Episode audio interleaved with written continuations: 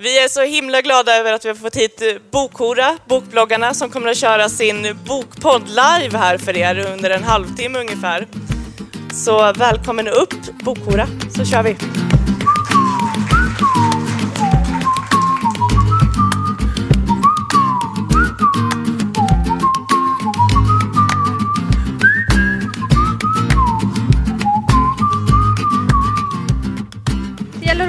Att när man är lite framtung. Flåsar vi så här som pensionärer? lite. Välkomna hörni till Bokpodden som vi på Bokhora gör tillsammans med nätbokhandeln Bokus. Och det här är ett litet annorlunda program för det här spelar vi nämligen in live på Kulturhuset här i Stockholm på litteraturfesten som anordnas av tidningen Konst Literary Preview. Och det är också ett annorlunda program Eh, eftersom det är den första bokpodden där vår nya bokhora Åsa Sandoval är med. Hej hej! Eh, och övriga bokhoror är ju som vanligt då Johanna, Johanna och Johanna. Vi har gjort det väldigt lätt för oss. Så välkomna!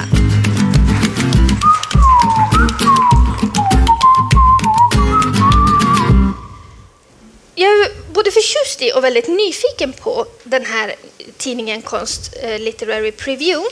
Så jag tänkte faktiskt börja det här programmet med att prata med grundarna Ida Tirén och eh, Maria Morsell. Den här titeln på tidningen, hörni tjejer, jag får alltid lust att förkorta den till någonting som liknar någon sån här kommunistparti på 70-talet. Eh, Vi säger CLP själva, Ni säger men CLP, folk jag tänkte kallar just- oss allt möjligt. Men Ja, jag CLP. tänkte just fråga, man, vad, vad ska man kalla er? Du brukar säga CLP. Mm, Ja. Det är inte så här KP eller MR? Nej, precis. Inom parentes P. ja. Ja. CLP. Mm. Då har vi rätt ut det. Berätta om den här tidningen. Varför startar man en, en ny litteraturtidning nu när alla tidningar håller på att dör ut? För att det behövs, skulle jag vilja säga, just eftersom alla andra håller på att dö ut. Nej, men vi såg ett tomrum, eller framförallt ska jag säga att det är Idas idé från början.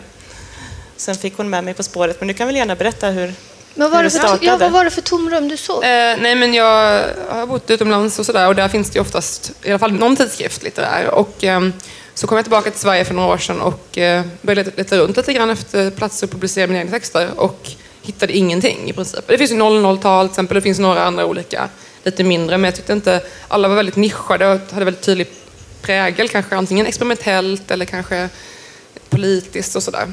Och Jag saknade en plats där man bara kunde publicera olika texter helt enkelt, skönlitteratur. Och eh, sen var jag i USA i vintras och satt och läste massa gamla tidskrifter från eh, 20-talet och sådär. Blev så himla peppad på att ha en egen, bara, eller göra en egen. Liksom. Vad kul det var att göra en kreativ tidskrift. Så jag mejlade Maria och fick svar inom fem minuter. Och nu sitter vi här. Nu sitter ni här. Eh, jag, jag funderade lite på, på de här, för det kommer ju många, om vi ska kalla dem mer allvarliga litteratur litteraturtidskrifter. Ni har kommit. Eh, Granta kommer ju till Sverige nu. Sen kommer det ju också någon, vad jag har förstått, jättedyr tidning som ska komma ut typ så här två gånger per år, som ska kosta så här tusen kronor per nummer. Vad är det för tidning? Ja, jag, jag hörde talas om den först igår, så jag har faktiskt inte hunnit kolla upp det. Men jag, jag, Bara, bara det är som världens bästa mark, marknadsföringsidé, att det kommer vara Ja jättedyrt. men, ja, men för det var någon som bara så här, gud vilken tur att den bara kommer två gånger om året, för man har ju inte råd att köpa den fler gånger. Men, men då, li- liten fråga tänker jag till er då så här. Tror ni att, att litteraturen och litteraturkritiken, att ni och att Granta kommer, är det liksom någon slags reaktion på att sådana som vi, Bokhora och vi läser och de här glada läsglädjespridarna, att vi liksom har haft scenen i några år nu och nu känner man att nej, men vi behöver liksom lite mer Alltså, jag tänker inte att det är en reaktion mot mot Eh, oss. nej, absolut inte. Utan det är snarare en reaktion mot eh, att kulturredaktionerna skär ner, att eh, bokförlagen skär ner, att det är svårare att debutera idag. med färre debutanter helt enkelt. Det är också ett mindre utrymme för smalare litteratur och för poesi. Sådana saker som kanske inte går runt av sig självt men som förlagen gärna publicerar ändå om de har en massa andra storsäljare. Så jag känner att det finns ett väldigt stort utrymme att fylla med texter. Kanske av folk som ligger mellanböcker, folk som inte har debuterat ännu. Att ge dem ett utrymme att publicera sig och visa vad de gör just nu. Men, men nu finns ju nätet, alla de här och som du säger, man är mellan böcker och sånt. Man kan ju publicera sig på nätet hela tiden. Det gör ju vi varje dag. Eller är det så här bara att det, liksom, det, det känns mer på riktigt om det är mellan pärmar? Det tror jag absolut. Alltså jag tror att det är ett tag kvar innan man kommer att ta det som publiceras på nätet på lika stort allvar vad gäller litteratur eh, än om det publiceras i bokform. Sen så egenutgivningen växer ju naturligtvis också men det känns ju fortfarande som att man verkligen behöver ha ett förlag i ryggen för att ta sig fram och bli tagen på allvar. Mycket handlar ju också om eh, självaste filtret, att man behöver någon som kan vara lite sådär gatekeeper. Liksom. Mm. Jag läste någon text av Nina Rabe i Svenskan om just det här, att det finns jättemycket egenutgivna böcker men ofta behöver man kanske en redaktör för att det ska bli riktigt bra. Och på samma sätt så tror vi också att eh, det finns en poäng med att lägga extra mycket tid på någonting, att verkligen bearbeta en text och låta den jobba och slita och liksom sen publicera den. Att det krävs både mer tid och pengar, också att man blir mer seriös med texten och kanske slipar den mer. Och jag tror att det eh, kan vara lätt hänt. Jag vet själv hur det kan vara på nätet, att man skriver någonting och det är, inte sådär, det är så lätt att trycka på, på, på play liksom, eller publish. så att jag tror att det finns en poäng med att det tar lite tid och är lite ja, genomarbetat. Ja, precis, mm. efterarbetat. Ja. Saken var den att från början så tänkte vi göra en e-bok av det hela och släppa. Men sen så när vi började titta närmare på det här så tyckte vi det var så tråkigt att göra en e-bok. Vi kan ju publicera en liksom, riktig bok inom citationstecken. Um, och vi fick in så bra texter, vi fick så bra konstnärer som ville vara med på omslaget och göra mittuppslaget. Så till slut så kändes det ju bara jättetråkigt att, att släppa den på nätet. Att den inte finns. Och vi gillar ju båda böcker. Alltså jag gillar böcker. Jag gillar att ha, ta på en bok, jag gillar att ha den i bokhyllan, jag gillar att komma tillbaka till den. Så att det, själva formatet, är, vi uppskattar ju formatet väldigt mycket. Och vi hade inte blivit tagna på lika stort allvar tror jag om vi hade publicerat det på nätet det första vi gjorde. Kanske att man kommer att bli det om fem år eller någonting sånt. Man hade inte blivit det nu. Man hade inte fått samma uppmärksamhet. Eller... Nej, men så, så, är det ju verkligen. Att, att nätet är ju fortfarande inte liksom... En e-bok är inte lika fin som en vanlig bok och, och en, en e-tidning är inte lika fin som en, en, en riktig tidning så att säga. Det tror jag bara är en utvecklingsfråga. Eller vad man ska säga, det kommer har, att ske ska, mycket där. Det finns också en poäng med det här att det kostar pengar att trycka en bok, som du är inne på. Det gör också att man verkligen måste göra det bra. Mm. Så att, jag tror inte bara det handlar om status, det handlar också om att då vet man någonstans att han har verkligen gjort stort arbete med det här. Då blir det som mm. ett tecken på det också. Folk, allting går så snabbt i vår tid. Jag tror man uppskattar väldigt mycket saker som tar lite tid. Och då inser man att det här tar tid, det här blir man nyfiken på. Och sen att, alltså, vi har haft väldigt tur också. Det har ju gått runt tack vare att vi har faktiskt sålt slut. Vi har ju bara tio exemplar kvar eller någonting. De ligger ju här borta så att vill ni ha dem så... Nej men vi har ju haft väldigt tur att vi har sålt så många så att det gör att vi får tillbaka pengarna. Vi har ju inte tjänat några pengar på det men vi har ju inte heller gått back tack och lov. Men då har ni också råd att göra fler nummer förhoppningsvis? Ja, det har vi. Och det är fantastiskt roligt. Det är ju bland annat det vi firar här ikväll. Vad kul! Hörrni, tack så mycket för att ni var med i vårt program och berättade om er tidning. Tusen tack! Tack, tack så hemskt mycket!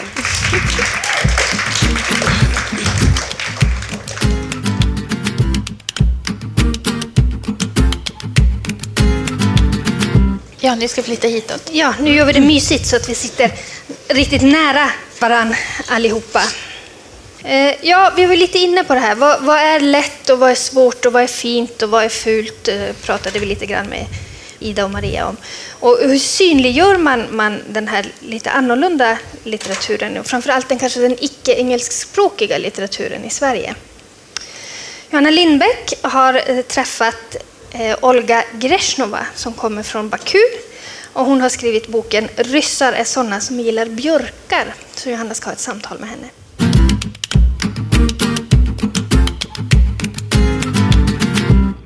Hi, I'm Olga. I'm 27 years old. I was born and raised in Baku, but I spent a lot of time in Germany, and I do read in German.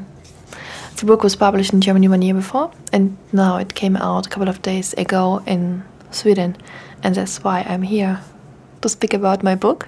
And you say that you write in German, but you come from Baku in Azerbaijan. How old were you when you moved to Germany? 11 years old. Until then, I spoke only Russian, but it changed in Germany because I made all my school and university life in German.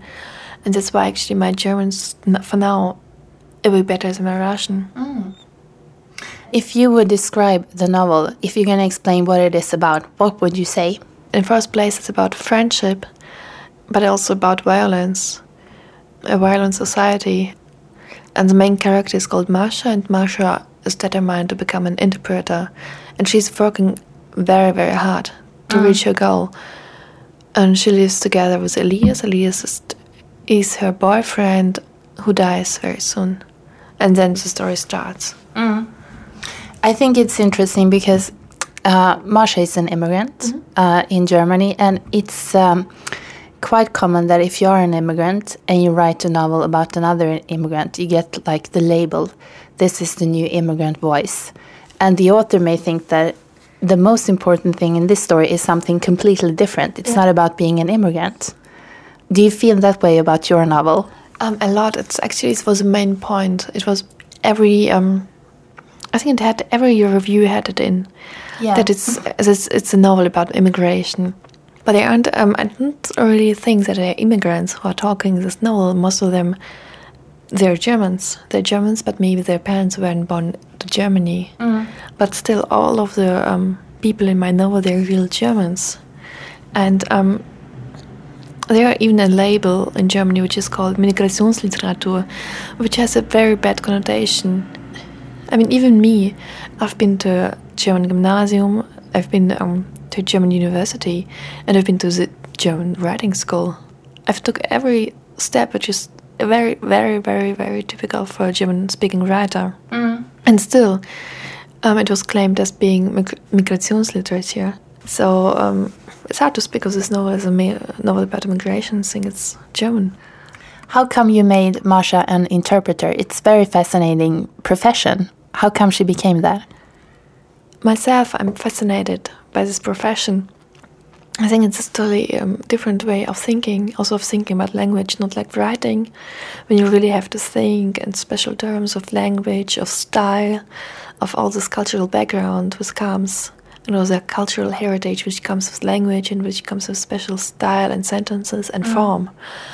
And I think it's also, it fits very well to her picture. You can you know immediately how good you are. If you're interpreting you know whether you failed or not within seconds. And um, topic in the novel is um, communication how it works and whether it works or not. And masha always fails in communication. When it comes to talking about her own feelings her own history she never manages but she's extremely good at interpreting what other people said from one language to another And Masha in the novel, she comes from Baku in Azerbaijan, which you do. Yeah. Are you similar to your character? How much do you share? Um, nothing. It's just not not just this background, which is similar because it's easier for me to speak of things I know and background and places. Um, but it's not really interesting to write about somebody who's close to myself. My own life bores me. She's not you, but how did you get the story? Where did you get the idea to write this story about Masha? It was a story which was told me. It was a f- friend of friends who was sitting at uh, my dad's dinner table, and um, he told me about his son. He came also from an Azeri family, which is very traditional, normal family. And um, during the, pogroms on Armenians in the 90s, they haven't known that there was a pogrom going on in the city, so they sent his son to school as every day. Of course, there was no school, and on his way back home, the boy um, he saw a woman murdered in front of his feet, and that was the day where his actually his actual life was over. And he never was able to deal with that afterwards, and he was struggling. He always almost went insane. Everything was over because he saw this, and um, the story was it held me, touched me uh, deeply, and afterwards I knew that this is my novel It's to be about that. How do you develop the story? How long did it take you to get going in this that now I know what I want to write about and the people and was it hard? Um, it came step by step. Sometimes it was hard. There have been a lot of times when I actually thought I'm gonna quit it. And um, all in all, it took me three years to finish it. And in the novel, Masha comes from Baku and she's surrounded by her friends also comes from or they have different Yeah. backgrounds. Uh, Elisha is the one German, if we can say German German, right? And all the other people are from Asia or Eastern Europe or something. Um, it doesn't sound like a coincidence coincidence that you wrote that type of uh, characters. Of course, it's not, but it's also it's not as unusual as it sounds. It's very very hard to find anybody who has really who is really German German, as you put it. And of course, I wanted to show that the immigrants are not only the uneducated poor people who are peers. They to be in the German-speaking media. Because Masha, her father used to be a cosmonaut. Yeah. Talk about being educated. and her mother is a piano teacher. So they're very well educated. But what happens to them when they come to to Germany? What's their destiny? Um, of course, they are losing all their privilege, or they are losing their class, and um, they're losing also the command of the language because they are both unfamiliar with German. They don't really know how the society works, which happens a lot to the older generation. I think it's exactly what happens to the first generation of people who comes for the sake of their own children. It's the same um, thing all over Europe and the States as well. You said that the novel is about friendship and violence. Could you develop that a bit? What about friendship and violence? I think their um, friendship is something which which brings the people together. Cham and Marsha, they're extremely close and they're extremely important to each other. And also Sami, Marsha's from boyfriend, he's very close. And also um, the people Marsha's meeting in Israel, she tries to become friends with them and just sometimes it works, mostly not. And violence, that's something she experienced from society. It's not the violence is not personal, it's structural in this novel. And she she moves to Israel in the novel, and there you're surrounded by violence and uh, the Palestinian conflict and everything. Yes. I spent a lot of time in Israel and it reminded me all the time on these things from the Caucasus, on the historical events which took place there, because they have a lot of structures which are actually aimed to exclude people, to divide people, to make a distinction about um, Israelis and Palestinians, and just to create all the things as an Israeli or as a Palestinian, which is an identity which is works maybe for only very few people who could actually relate to that it interests me a lot how this works with national buildings, this building of identity. I don't really get that, and I don't really, I do not understand violence. And I think um, writing is for me always a possibility to think, to deal with things when I'm writing about them, when I read and write and think during writings. Wasn't the answer to the question? Sort of. uh, I think we have to finish up now, Olga. Thank you very much for the interview. Thank you very much. It was a pleasure to be here.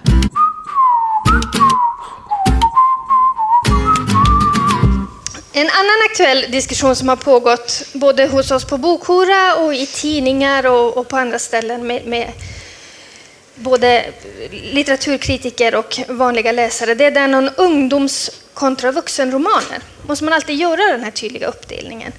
Och vi på Bokhora läser ju väldigt mycket ungdomslitteratur och tycker ju att den är lika fin och förtjänar lika mycket plats som, som den vanliga. Så att det här programmets recension kommer att bli ett samtal mellan Johanna Lindbäck och Johanna Karlsson som båda har läst Förr eller senare exploderar jag, som är en väldigt hyllad ungdomsroman av en lika hyllad eh, författare som heter John Green. Så jag lämnar över till er, till de andra Johannorna nu.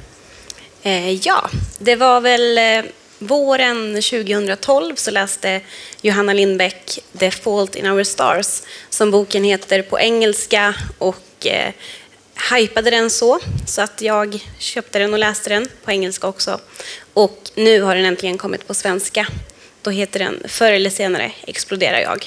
En titel som jag måste erkänna att jag var väldigt skeptisk till i början. Jag tyckte den var rätt fånig. Vad tyckte du? Alltså jag håller med, jag tycker inte heller om titeln.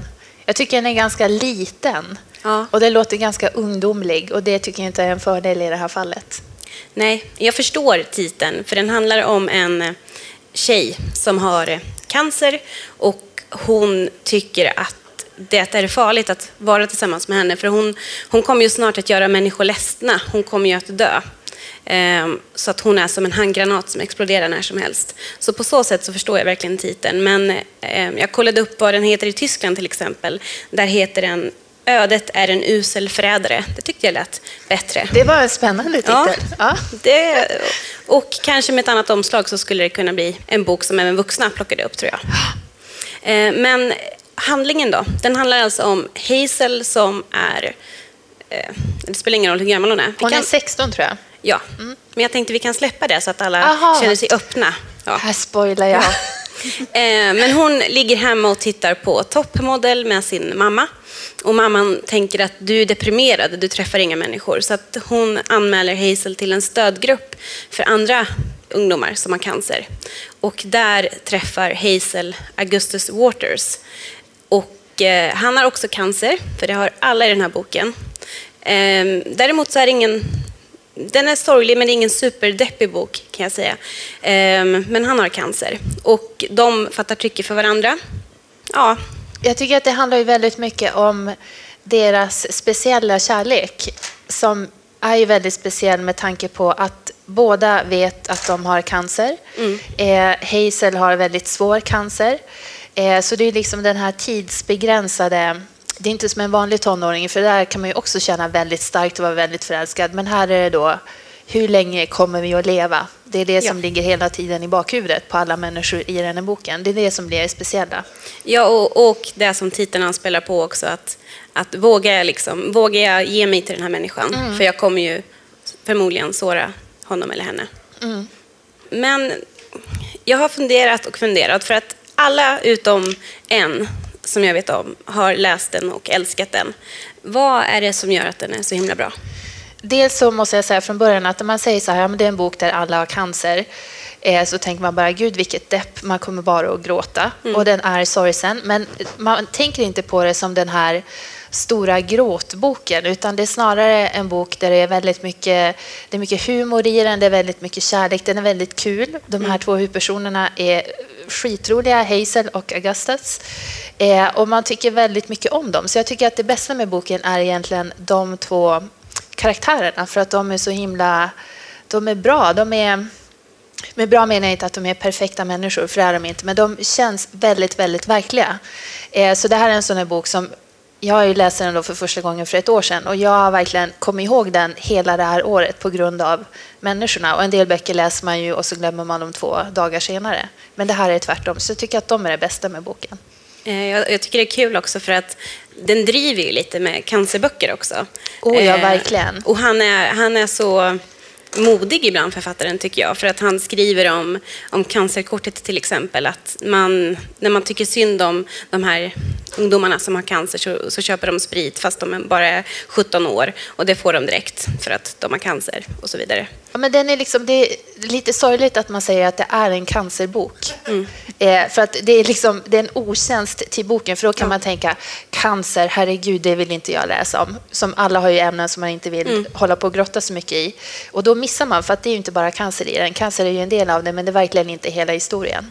Vi kan säga att det är en otroligt romantisk bok. Det är det verkligen. Mm. Mm. Mer så. Det kan vi inte snacka oss ur. Nej, det är, nej. Ja. Eh, men om, för om man skulle prata om någon brist med boken, om man nu ska vara lite eh, mångfacetterad, så är väl just det som, som folk skulle kunna ha invändningar mot, tänker jag. Att den, är, den har ett så, så sorgligt upplägg, så det är öppet för att eh, stora floder av tårar. Ja, och att man känner sig, som jag hatar, att man känner sig manipulerad och gråta. Ja. Att det blir så uppbyggt att författaren skriver och så är det som bara att trycka på en knapp. Nu ska du börja storböla. Mm.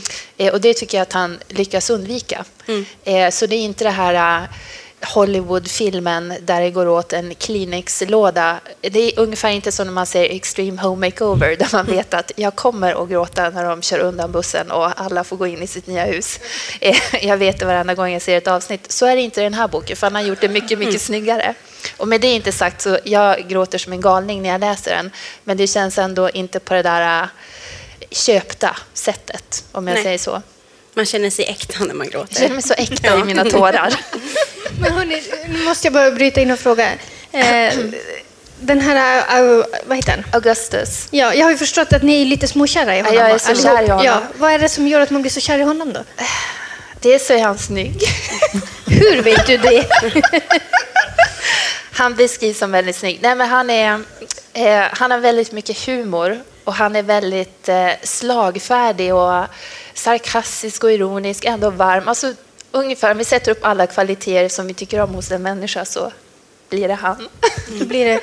Men om, man, eh, om vi lämnar just den här boken. Eh, författaren heter John Green. Eh, vad har han mer skrivit? Om man vill läsa på svenska så har man två andra titlar. Och då är det hans första bok, som du också har läst, som är jättebra, som heter Var är Alaska? Eh, och sen är det en bok som kom för några år sedan som han skrev tillsammans med David Levitan som på svenska heter Den andre Bill Grayson. Som är bra, men Var är Alaska tycker jag är den bästa. Den är jättebra. Ja. Den är inte lika bra som den här, men den är, Men är liksom näst bäst. Den här är fantastisk. Eh, men sen har han också två böcker som inte är översatta än från engelska. Och då är det en som heter Paper Towns och en som heter The Abundance of Catherines. Och där så skulle jag satsa på Paper Towns. Han skriver ofta ett tema om eh, unga killar som letar efter en tjej som har försvunnit. Det kommer in i två Precis, och ganska nördiga killar är de. Mm. Men sen kan man ju också gå ut bara på nätet, för att det speciella med John Green är att han har ett helt nätcommunity som heter Nerdfighter som han har tillsammans med sin brorsa eh, och flera hundratusentals anhängare och där kan man läsa grejer, man kan titta på videos, man kan delta, man kan göra allt möjligt. Det, är verkligen, det finns en, ja, timmar att förkovra sig i det här. Eh, och det han bland annat har gjort och lagt upp som små videofilmer är att han de senaste månaderna har kört lite amerikansk litteratur, crash course i amerikanska klassiker. Eh, Där han berättar tio minuter om olika verk. Och då har han till exempel tagit upp Gatsby som en av dessa verk. Och som av en slump så tänker vi också nu prata i tio minuter om Gatsby. Helt, eh, inte alls någon koppling till det. men, men Åsa, du har ju faktiskt läst eh, om den här boken. Berätta, vad, vad handlar... För man hör ju det här, Den store Gatsby, det, det är ju liksom en sån där bok som, som man hör talas om så mycket, men, men alla kanske inte har läst den. Så vad handlar den om? Eh, Den stora Gatsby handlar om eh, en kille som heter Nick Carraway eh, som kommer till New York, det är på 20-talet. Det är en sommar. Och han kommer dit eh, med ett mål och det är att han ska liksom komma upp sig lite i Han världen. blir lite så här äh, inne i, inne i det fina. Han kommer från mellanvästern, han har gott ställt men han ska liksom eh, klättra ytterligare lite, har han tänkt sig. Bland det första vi får veta är att han, eh, han uttalar sig om det ställe där han ska bo och talar om att där är det en imponerande närhet till miljonärer. En imponerande närhet. Japp. Så Undrar det är ju nöjd undrar hur nära man är då? Man är Granne. imponerande nära. Eh. Granne. Mm. eh, och denna granne då som, som är miljonär, eller en av grannarna, närmsta grannen, är just Gatsby. Eh, och Gatsby har redan när Nick eh, kommer blivit eh, en myt i området där. Och anledningen till det är att, bland annat att han bjuder in till så grandiosa fester. Och det här är under liksom spritförbudstiden. Just det. Men här, här flödar det. Mm, ja, när man rik har man ju sådana kontakter. Exakt. Eh, och portarna är liksom aldrig stängda. Det är bara komma och gå. Däremot så är det ingen som riktigt vet vem Gatsby är. Det ingår i den här mytbildningen. Ibland är han inte ens på sina egna fester. Så. Men när Nick får, får lära känna honom lite mer eh, så visar det sig att Gatsby har en eh, gammal förälskelse som inte rostar någonsin. Eh, han är jätte- jättekär i en kvinna som heter Daisy. Daisy råkar, nu när vi ändå är inne på slumptemat, som av en slump vara släkting med Nick Carraway. Mm. Eh, Hon är tyvärr gift med en annan man, en man som heter Tom. Eh, Och de är förmögna och de är förmögna på rätt sätt. Alltså de har gamla pengar. Ah, fina. Det gör jag, just det. Mm. Precis. Eh, och sen utspelar sig den här boken under ett par månader där det självklart blir ett antal triangeldramor. Och jag är ett stort fan av att spoila, men jag ska försöka hålla mig ikväll och bara säga att några av de här har dödlig utgång. Aj, aj, aj. Mm. Och, och Nick är liksom hela tiden någon form av, av bokens berättare då. Han är berättaren. Men, men han kan ju inte, eh, jag menar om han också är deltagare. Det är det som är så lömskt. Ja. Alltså, han, eh, han är inte en trovärdig berättare alls. Han, han utger sig för att, eh, alltså i ton, så kan det verka som att han bara berättar om saker som han har betraktat. Men han har ju deltagit i allra högsta grad. Så att det, det är sneaky. Det, det är Ja. nästan som när, när medierna går på Niklas Svenssons 40-årsfest och ska berätta, rapportera om den sen. Precis, på ett neutralt sätt. Ja, Han säger också själv i ett ett tidigt eh, skede i boken, det, är väldigt ödmjukt, och då säger han att han är den enda ärliga människan han någonsin har träffat. Eh, vilket då också är, helt osant. Eh, och utöver att han är, är oärlig så är han också bitter och en jävla fegis. Oj, får man svära på den? Och det får man absolut Ja, göra. Jag ja. gör det hela tiden. Så så är det. Eh, men eh, medan det pågår så är han också eh, då i sin bitterhet väldigt fördömande. Så att han talar omedelbart om vad man ska tycka om alla. Man behöver inte tvivla en, en sekund. Så att när vi får träffa första gången Tom Buchanan som är gift med den här Daisy då, eh, så, så beskrivs han.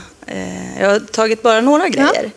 Ehm, bland annat så, så säger då Nick att han har, denna Tom, en bister mun, han har arroganta ögon, ett överlägset sätt, han har feminint snobbiga kläder, han har en hotfull kropp och en faderligt nedlåtande röst. Och allt det här står i ett stycke. Mm, han lät som en mysig kille. Ja, honom vill man ju direkt eh, Ja. lära känna lite närmare. Ja. Nej, men så det, Han, han är lite bitter den här Nick då alltså. Han är bitter. Han är Helt, bitter. helt enkelt.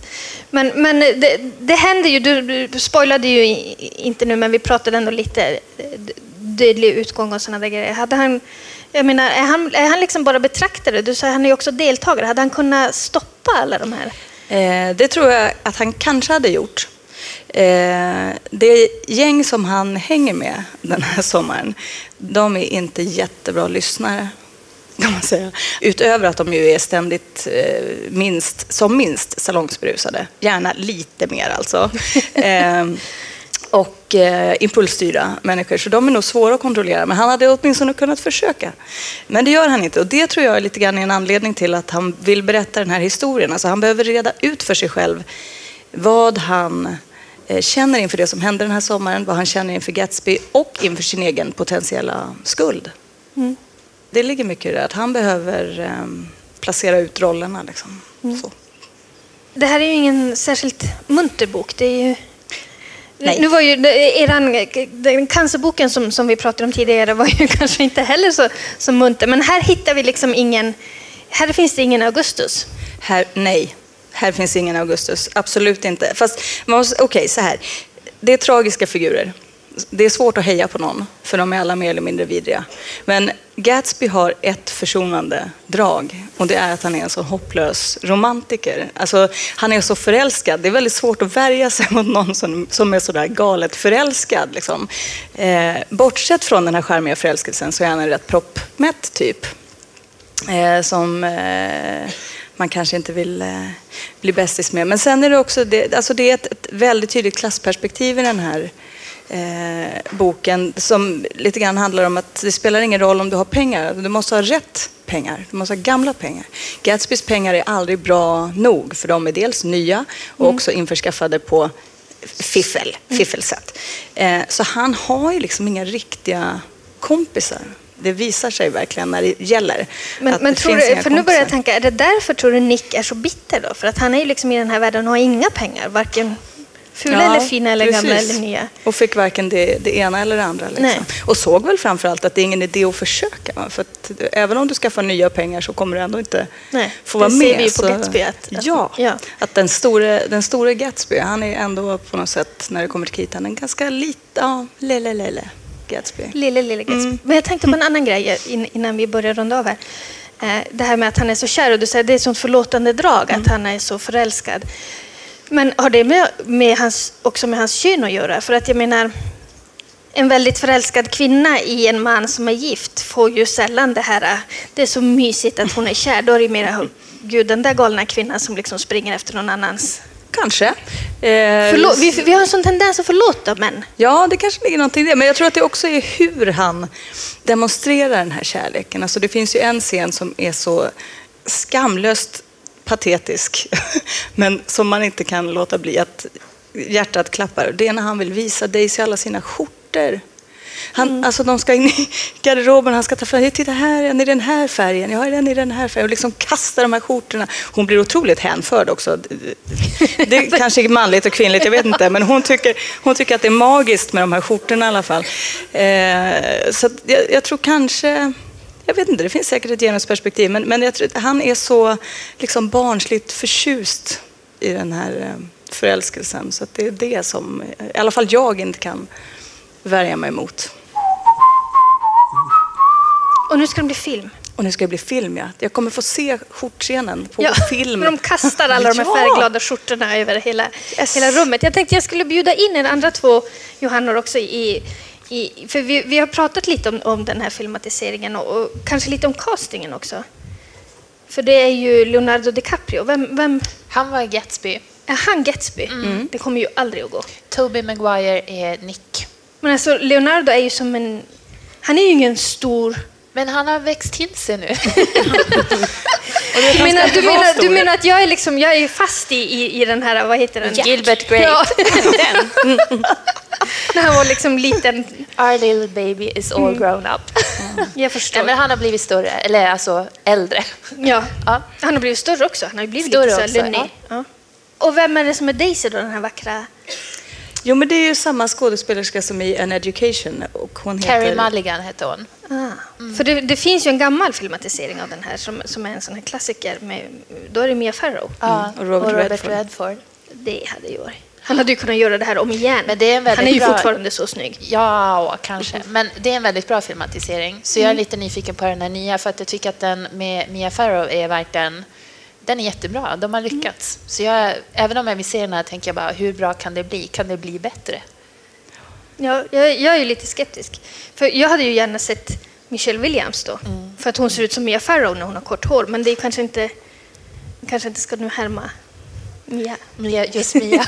Vi ska Jag ser fram emot att se de här storslagna festerna. För om de kommer vara någonting som eh, Moulin Rouge, eh, som är samma regissör, så kommer det bli ganska balla fester. Alltså man kommer dra sig för att bjuda hem lite vänner direkt efter att man har sett Eller så blir man väldigt inspirerad. Och, Men har, Ja, ni, Åsa, har du sett filmen? Den gamla filmen? Nej, jag har inte sett den gamla för filmen. skjortscenen är med i den och det är en väldigt, där Robert Redford står och kastar ut skjortorna ur sin garderob. Det är en väldigt bra scen.